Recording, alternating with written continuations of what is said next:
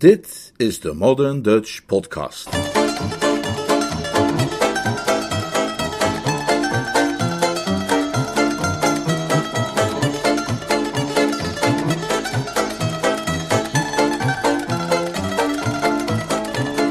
Groot gelijk, Jeeves, door P.G. Woodhouse. Een splinternieuwe Nederlandse versie van de roman Jeeves in the Offing, vertaald en voorgelezen door Leonard Beuger.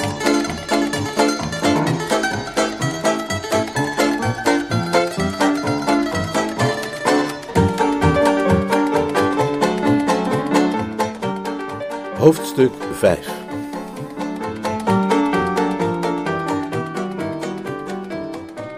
Als was, zoals de uitdrukking luidt in de handen van het andere geslacht, vertrok ik om er een eind aan te gaan maken, maar niet met plezier. Het is nooit leuk voor een gevoelig man om zich beschouwd te zien als een stoorzender en een lastig stuk kleefkruid. En als zodanig, dat was me met één oogopslag duidelijk, determineerde Wilbert Cream mij onmiddellijk. Toen ik bij het paar aankwam, had hij juist het voordragen van poëzie afgerond en Phyllis' hand in de zijne genomen, kennelijk op het punt, of zelfs al begonnen, haar iets in het oor te fluisteren van een tedere en intieme aard. Bij mijn hij daar draaide hij zich om, liet haar vlerk los en wierp mij een blik toe die mij sterk deed denken aan die andere die ik recentelijk had ontvangen van Aubrey Upjohn. Hij maakte een binnensmondse opmerking over iemand wiens naam ik niet kon verstaan, maar die kennelijk was ingehuurd om hier te komen rondspoken als de geest van Bingley Court. Oh, jij bent het weer, zei hij. Tja, ik, ik was het inderdaad, er viel niet over te twisten. Loop je je een beetje te vervelen? vroeg hij. Waarom zoek je niet ergens een rustig plekje en ga je een goed boek lezen? Ik legde uit dat ik alleen maar even langs was gekomen om te vertellen dat de thee op dit moment geserveerd werd op het grote gazon, waarop Phyllis een nerveus gilletje slaakte. Oh, hemeltje, zei ze. Ik moet me haasten. Papi vindt het niet leuk als ik te laat ben voor de thee. Dat vindt hij niet netjes tegenover de ouderen. De opmerking dat papi zijn respect tegenover ouderen maar op een zekere plaats moest wegsteken, zag ik al klaar liggen op de punt van Wilbert Cream's tong, maar hij wist die met een krachtige peristaltiek nog juist in te slikken. Ik ga nog even een eindje op met popje, zei hij en floot naar de tekkel die juist aan mijn broekspijp besnuffelde om zijn longen te vullen met het verrukkelijke woesterboeket. Geen thee? vroeg ik. Nee. Er zijn beschuitbollen. Ja, ventileerde hij als dat hier het juiste woord is, en ging er vandoor, gevolgd door de laag bij de grondse hond, en het was me duidelijk dat ik ook uit die hoek geen kerstcadeautje hoefde te verwachten. Zijn hele houding maakte duidelijk dat ik hem niet tot mijn intimie zou mogen rekenen. Hoewel opvallend populair bij Tackles, had ik overduidelijk geen aansluiting gevonden bij Wilbert Cream. Toen Phyllis en ik bij het gazon arriveerden, vonden we daar alleen Bobby aan de theetafel, wat ons allebei verbaasde. Waar is papi? vroeg Phyllis. Die moest onverwacht weg naar Londen, zei Bobby. Naar Londen? Dat zei hij tenminste. Waarom? Dat heeft hij er niet bij verteld. Maar ik moet hem nog spreken, zei Phyllis en spurte er vandoor. Bobby leek even te peinzen. Weet je wat ik denk, Bertie? Nee, wat? Nou, toen Upjohn zojuist hierheen kwam, was hij helemaal opgewonden en hij had de nieuwe First Day Review in zijn hand. Die had de post vlak daarvoor bezorgd, neem ik aan. Volgens mij had hij net Reggie's recensie van zijn boek gelezen. Dat klonk plausibel. Er zijn verschillende schrijvers onder mijn kennissen. De naam Boko Fittleworth bijvoorbeeld schiet me te binnen. En zij worden allemaal altijd volkomen tureluurs als er in de pers een aanzijnerig stukje verschijnt over hun jongste product. Ah, jij weet dus van dat stuk dat Holmops geschreven heeft. Ja, hij heeft het me laten lezen toen we pas geleden samen ergens lunchten. Een nogal venijnige tekst, begreep ik, uit wat hij me over verteld heeft. Maar waarom dat uh, Upjohn hals over kop naar Londen zou jagen, begrijp ik eigenlijk niet. Nou, ik neem aan dat hij bij de redactie wil gaan vragen wie dat stuk geschreven heeft, zodat hij die een aframmeling kan gaan geven op de stoep van zijn club. Nou, dat gaan ze hem natuurlijk niet vertellen. En er stond geen naam onder, dus... Uh, oh, hallo, Mrs. Scream. Het was een lange, magere vrouw tegen wie ze sprak, met een havikachtig gezicht dat me deed denken aan Sherlock Holmes. Ze had een inktvlek op haar neus als gevolg van haar werk aan de detective-roman die ze aan het schrijven was. Het is praktisch onmogelijk om een detective-roman te schrijven zonder inkt aan je gok te krijgen. Vraag het maar aan Agatha Christie of zo iemand. Ik heb net een hoofdstuk af, dus ik dacht ik pauzeer even voor een kopje thee, zei de literateuse. Men moet het ook weer niet te dol maken. Nee, altijd stoppen als je aan de winnende hand bent, zo is het. Dit is Mrs. Travers' neef Bertie Wooster, zei Bobby met een naar mijn oordeel veel te verontschuldigende toon in haar stem. Als Roberta Wickham één fout heeft die er uitspringt te midden van haar andere onvolkomenheden, dan is het dat ze de neiging heeft om mij aan anderen voor te stellen op een manier alsof ze mijn bestaan liever verzwegen zou hebben. Bertie is dol op uw boeken, voegde ze er volkomen overbodig aan toe, en La Cream schoot overeind als een padvinder bij een hoornsignaal. Onmerkelijk. Nooit gelukkiger dan in een hoekje met een van uw boekjes, zei ik, en hoopte dat ze me niet zou vragen welk van haar boeken ik het mooist vond. Hij was helemaal enthousiast toen ik hem vertelde dat u hier ook zou zijn. Ah, wat geweldig. Ik vind het altijd heel fijn om liefhebbers van mijn werk te ontmoeten. Welk van mijn boeken vindt u het mooist? Ik was nog niet verder gekomen dan, uh, en vroeg me juist zonder veel goede hoop af of ik me er met een oh allemaal zou kunnen afmaken toen Pa Glossop zich bij ons voegde met een telegram voor Bobby op een dienblaadje. Van haar moeder nam ik aan, met daarin nog een scheldwoord voor mij dat ze in haar vorige berichten per ongeluk nog niet had gebruikt. Of wellicht eenvoudig een herhaling van haar opvatting dat ik een Hannes was, wat volgens mij, nu ik enige tijd had gekregen om daarover na te denken, zoiets moest betekenen als een koekenbakker of, of, een klunsklungel. Oh, dankjewel, Swordfish, zei Bobby en nam het telegram van het blad.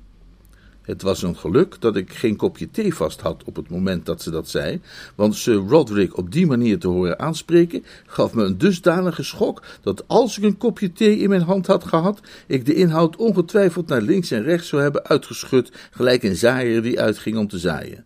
Zoals nu was, lanceerde ik alleen een sandwich met komkommer met een boogje door de lucht. Oh, sorry, zei ik, want ik had La Cream op slechts een haar na gemist. Ik had kunnen weten dat Bobby daar natuurlijk nog eens een schepje bovenop ging doen. Dat kind zal ook nooit eens ergens discreet over zijn.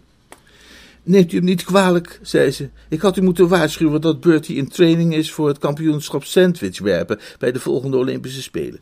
Hij is vrijwel voortdurend aan het oefenen. Op het voorhoofd van Ma Cream verscheen een bedachtzame plooi, alsof ze het lastig vond die verklaring van het gebeurde te accepteren. Maar uit wat ze vervolgens zei, bleek dat het niet mijn bezigheden waren waarover ze piekerde, maar dat het de recente verschijning van Swordfish was die haar dwars zat.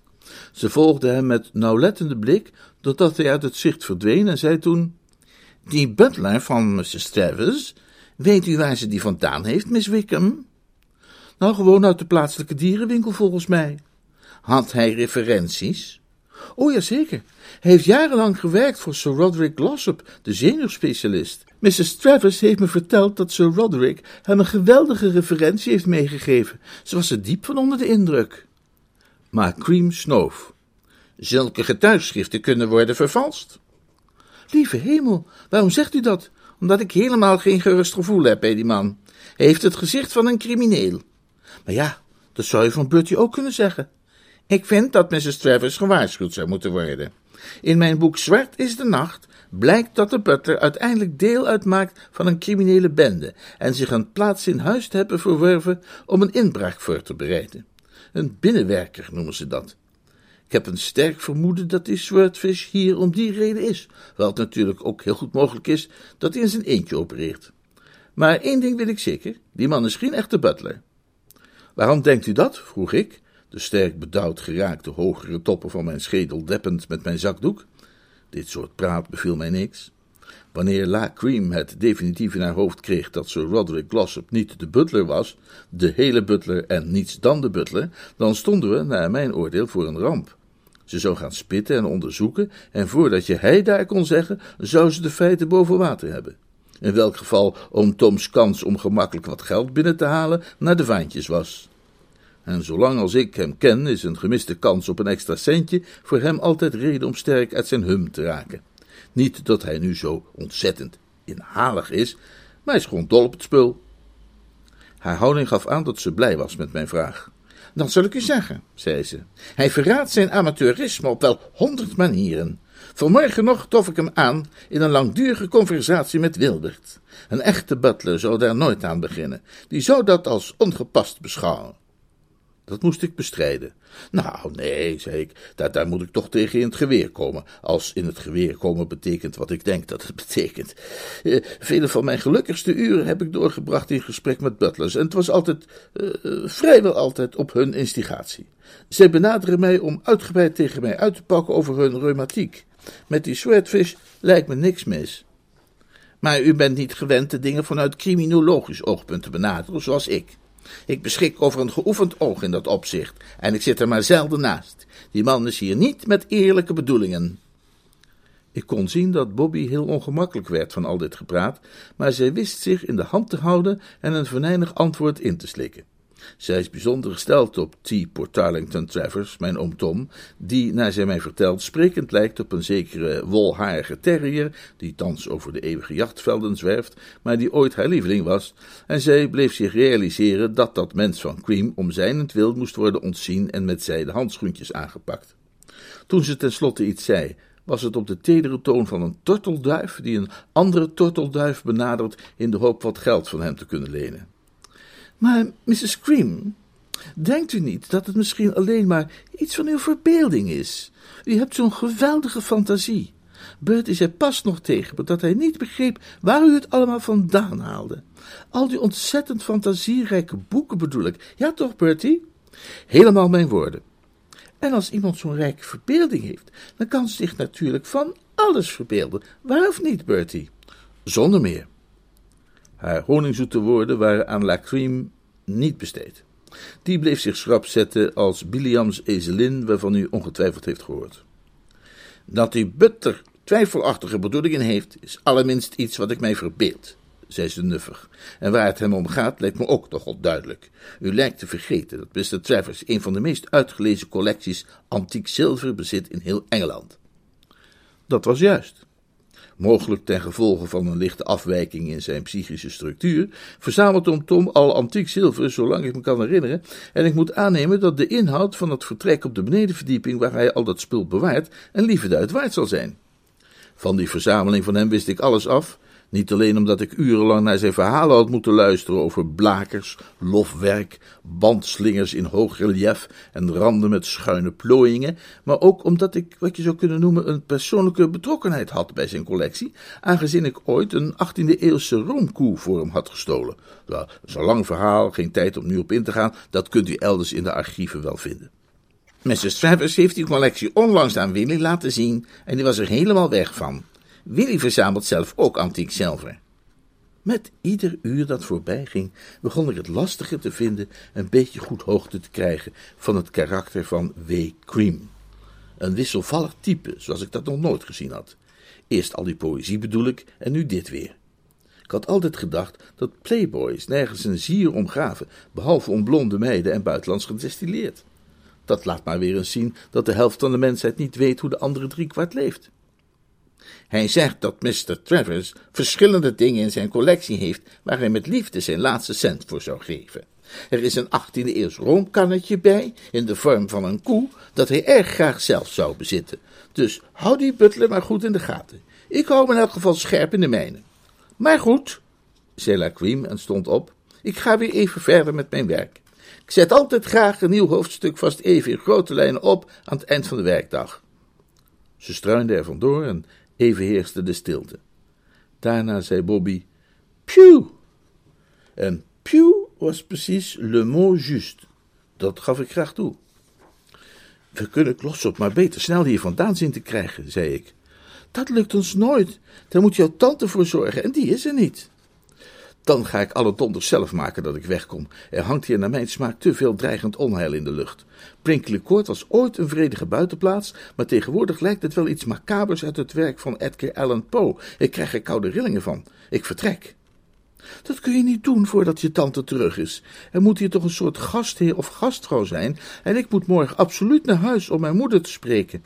Je zult echt even de tanden op elkaar moeten zetten en er nog even uitzien te houden. En dat ik onder zware psychische druk sta, wordt zeker niet van belang geacht. Voor geen meter. Dat is alleen maar goed voor je. Het houdt de poriën open. Ik had daar natuurlijk iets snijdends op moeten antwoorden als ik dat had kunnen bedenken, maar daar ik zo gauw nergens op kon komen, moest ik het helaas laten gaan. Waar verblijft tante Dalia eigenlijk? vroeg ik. In het Royal Hotel Eastbourne, hoezo? Zodat ik haar een telegram kan sturen, zei ik en nam nog een sandwich met komkommer, dat ze me morgen beslist moet opbellen, zodat ik haar op de hoogte kan stellen van wat er speelt in deze tent hier.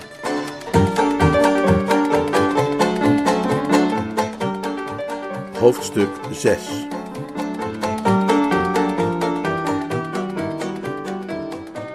Ik ben vergeten hoe we erop kwamen, maar ik weet nog dat Jeeves een keer tegen mij zei dat de slaap het warnet van de zorg ontrafelt.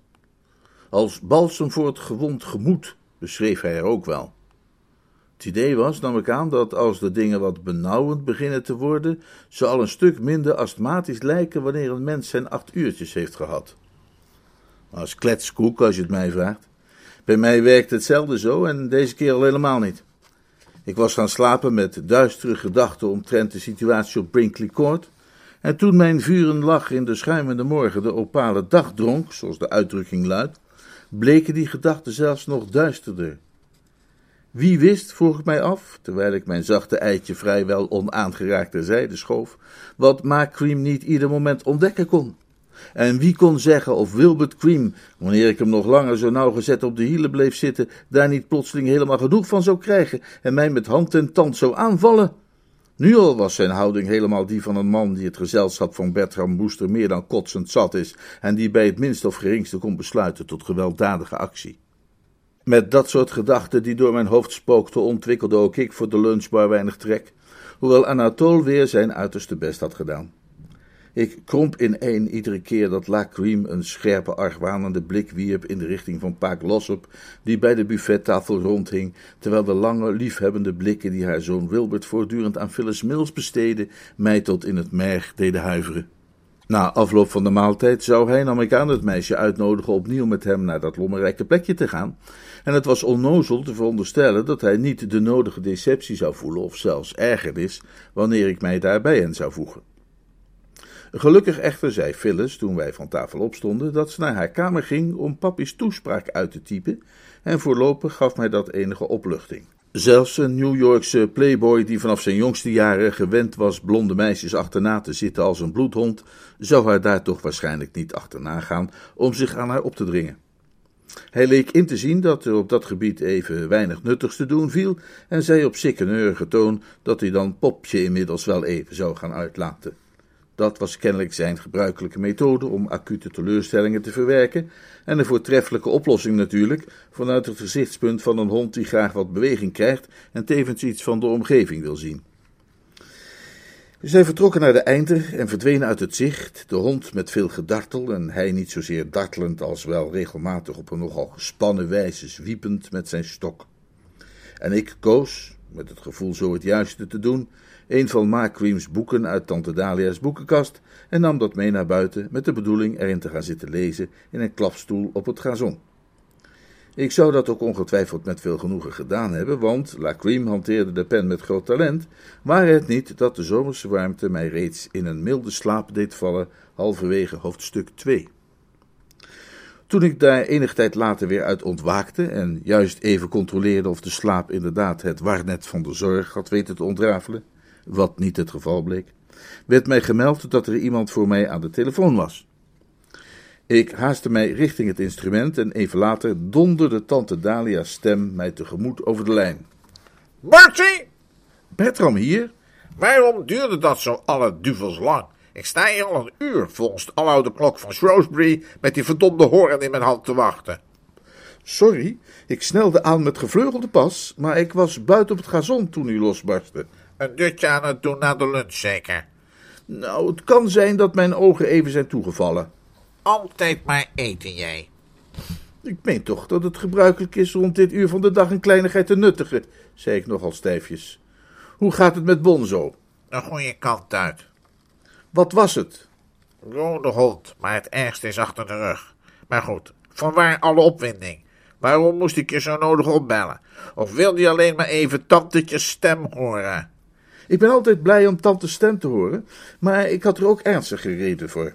Ik vond dat u moest weten welke gevaren er sluimeren in uw eigen huis. Wat voor sluimerende gevaren?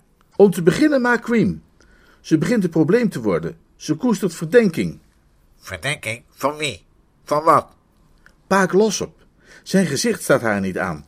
Nou, dat haar is ook anders niet om over naar huis te schrijven. Ze vermoedt dat hij geen echte butler is. Uit het feit dat mijn trommelvlies praktisch in tweeën scheurde, leidde ik af dat ze een joviale lach produceren. nou, laat haar maar fijn vermoeden. Dat verontrust u niet? Geen spat. Ze kan er toch niks aan doen. En bovendien vertrekt Lossop binnen een week. Hij heeft tegen mij gezegd dat er niet meer tijd nodig zou hebben dan dat om een opinie te vormen over Wilbert. Nee, over Adela Cream maak ik me geen zorgen. Zoals u het zegt. Mij lijkt ze toch een echte bedreiging. Mij niet. Is er verder nog iets dat je dwars zet? Ja, die Wilbert Cream Phyllis Mills geschiedenis. Kijk, daar noem je wat. Dat is belangrijk. Heeft Bonnie Wickham gezegd dat je die Wilbert op de hielen moet blijven zitten als een... Zwaankleef aan? Als een kleefpleister had ik eigenlijk willen zeggen. Maar dat is ook goed.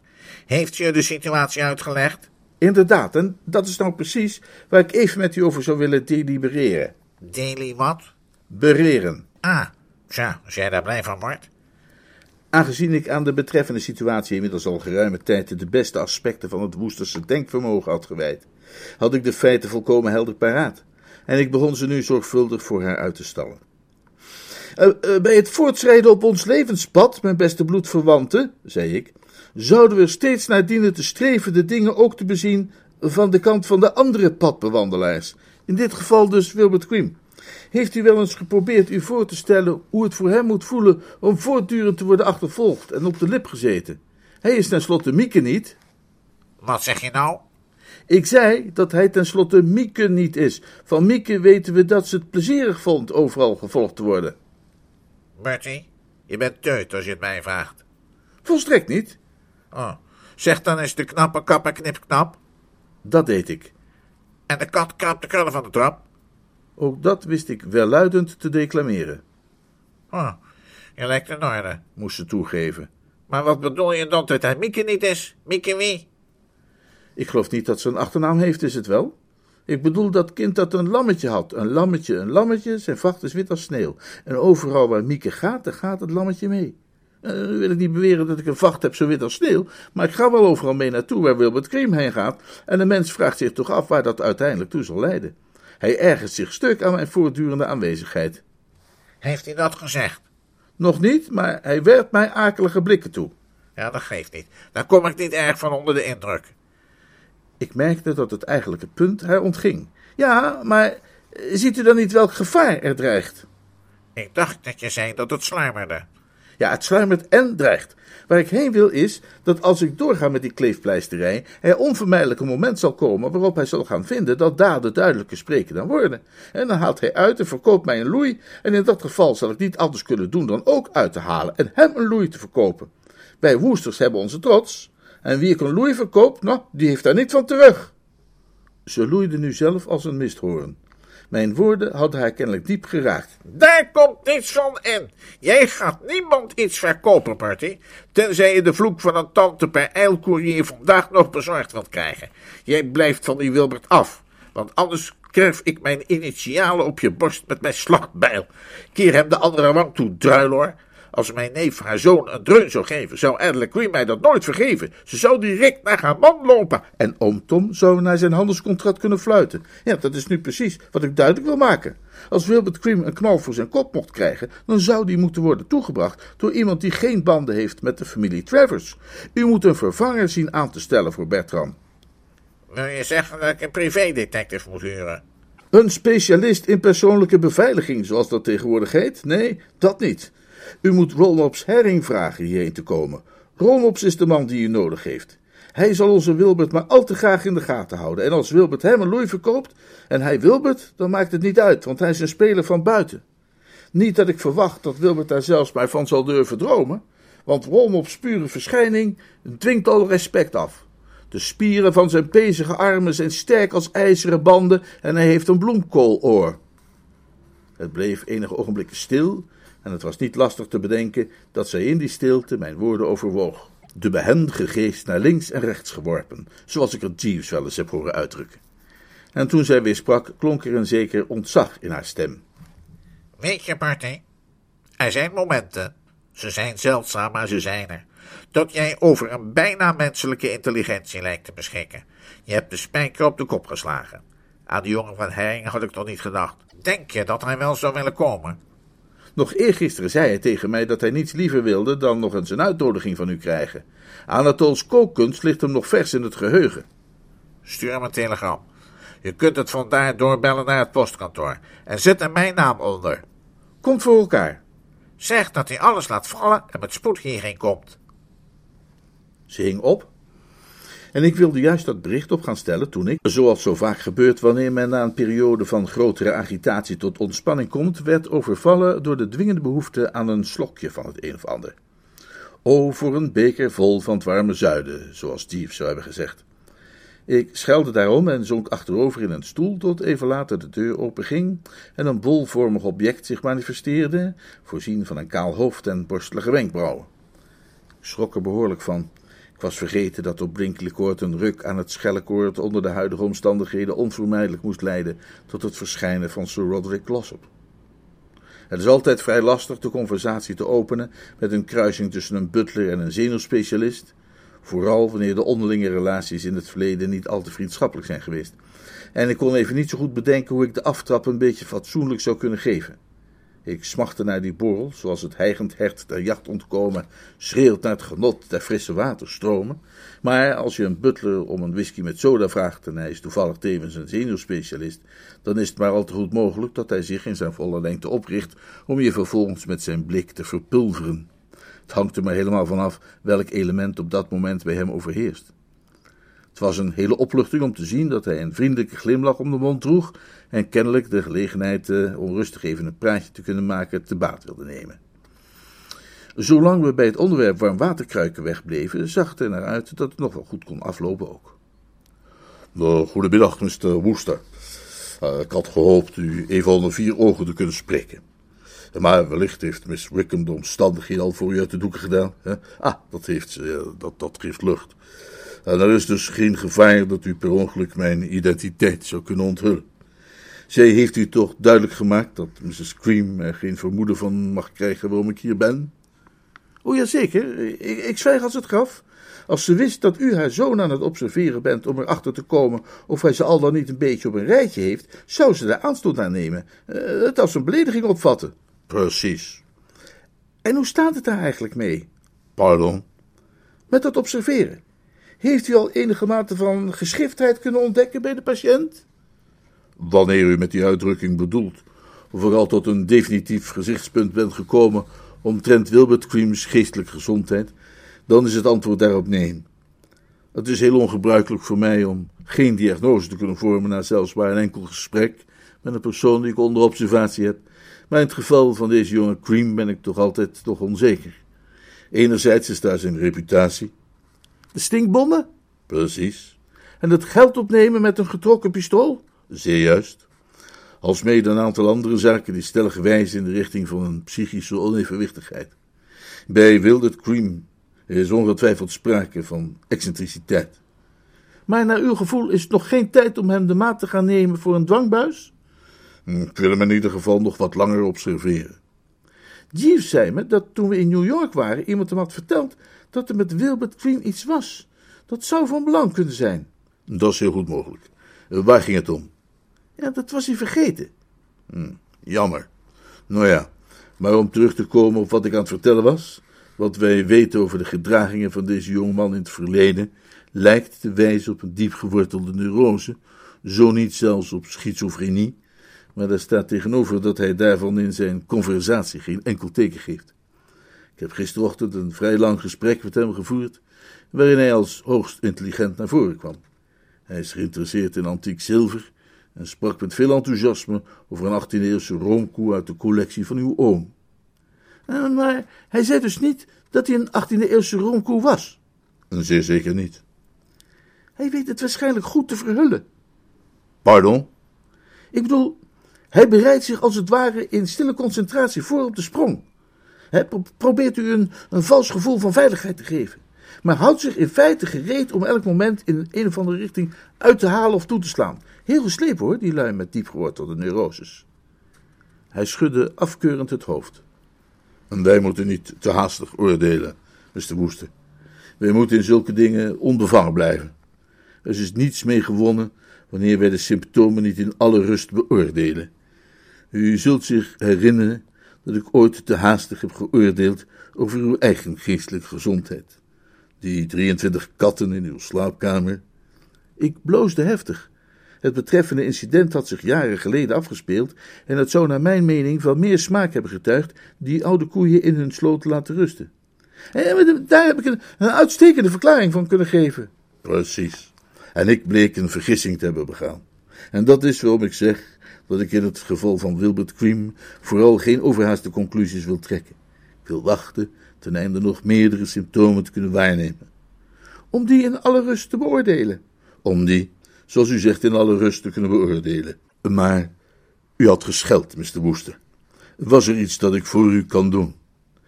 Ja, eerlijk gezegd zou ik graag een whisky met soda willen hebben, maar ik wil u natuurlijk geen last bezorgen. Maar mijn beste Mr. Woester, u vergeet dat ik, zij het ook tijdelijk, een butler ben en ik hoop een gewetensvolle. Ik zal het u onmiddellijk brengen. Terwijl hij wegsmolt, vroeg ik mij af of ik hem niet zou moeten vertellen dat Mrs. Cream op haar beurt ook aan symptoombeoordeling deed, en wel met betrekking tot hemzelf. Maar ik besloot dat toch maar liever niet te doen. Het had niet zoveel zin zijn zielerust te verstoren. Het leek me dat het voorlopig al erg genoeg voor hem moest zijn om naar de naam Swordfish te moeten luisteren. Nog meer om over te piekeren zou hem maar tobberig maken, en bleek. Bij zijn terugkomst bracht hij mij niet alleen die beker vol van het warme zuiden, waar ik mij dankbaar op startte, maar ook een brief waarvan hij meldde dat hij zojuist met de middagpost voor mij was gearriveerd. Na mijn dorst te hebben gelest, bestudeerde ik de enveloppe en zag dat hij een brief van Jeeves moest bevatten. Ik maakte die open zonder veel opwinding, want ik verwachtte dat die niet veel meer zou behelzen dan de mededeling dat de afzender veilig was aangekomen en hoopte dat met mij alles goed was, zoals in ieder geval met hemzelf. Kortom, de gebruikelijke kletsika. Het was echter in de verste verte niet de gebruikelijke kletsika. Eén blik op de inhoud van die brief en ik zakkerde er dusdanig op los dat Pa op een uiterst bezorgde blik op mij richtte. Toch geen slecht nieuws, mag ik hopen, Mr. Woester. Dat hangt er vanaf wat je slecht nieuws noemt. Het is in elk geval nieuws voor de voorpagina. Dit komt van Jeeves, mijn bediende, die op dit moment garnalen aan het vangen is in Herne Bay. En het werpt een verblindend licht op het persoonlijk leven van Wilbert Cream. Werkelijk? Maar dat is hoogst interessant. Ik moet eerst even uitleggen dat toen Jeeves op het punt stond om naar Herne Bay te vertrekken, het onderwerp B. Cream tussen ons ter sprake kwam. Tante Dalia had mij namelijk gezegd dat hij een van de andere gasten hier zou zijn, en wij hebben het daarom even over hem gehad. Ik zei dit, begrijpt u wel, en Jeeves zei dat, als u mij kunt volgen. En nou ja, vlak voordat Jeeves de deur uitging, maakte hij die veelbetekenende opmerking die ik daarnet al aanhaalde, dat hij iemand iets over Wilbert had horen zeggen, maar dat hij vergeten was wat. Als het hem weer te binnen schoot, zei hij toen, zou hij me laten weten wat het was. En dat heeft hij nu gedaan, Jan Dory. Weet u wat hij zegt in dit epistel? Drie keer raden. Dit is niet bepaald het moment voor raadselspelletjes.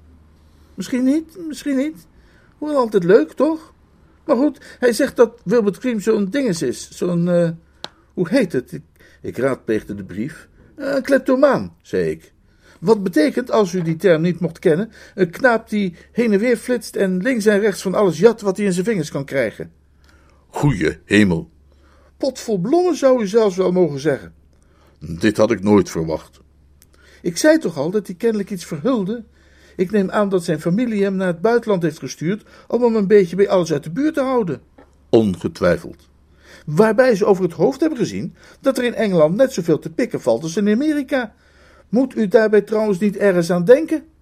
Jazeker. Ik moet daarbij dadelijk denken aan de collectie antiek zilver van uw oom. Ik ook. Die houdt een ernstige verleiding in voor dat ongelukkig jongmens. Nou, ik weet niet of ik hem ongelukkig zou willen noemen. Hij vindt er waarschijnlijk groot genoegen in om allerlei spulletjes achterover te drukken. En wij moeten onmiddellijk naar de kamer gaan waar uw oom zijn collectie bewaart. Wie weet zijn er al dingen verdwenen. Alles behalve de vloer en het plafond neem ik aan. Die zou hij moeilijk ongezien hebben kunnen wegwerken. We waren nog niet zo 1, 2, 3 in de zilverkamer, want Paak Lossop was meer gebouwd op bestendigheid dan op snelheid. Maar uiteindelijk kwamen we daar aan en het gevoel dat ik kreeg na een eerste snelle inspectie was een gevoel van opluchting. Al het spul leek in statu quo. Pas nadat Pa Glossop een uitgeput woef had laten horen en begonnen was zijn voorhoofd af te drogen, gezien onze gejaagde aanreis, bespeurde ik het pijnlijke hiaat. De roomkoe bevond zich niet onder de aanwezigen.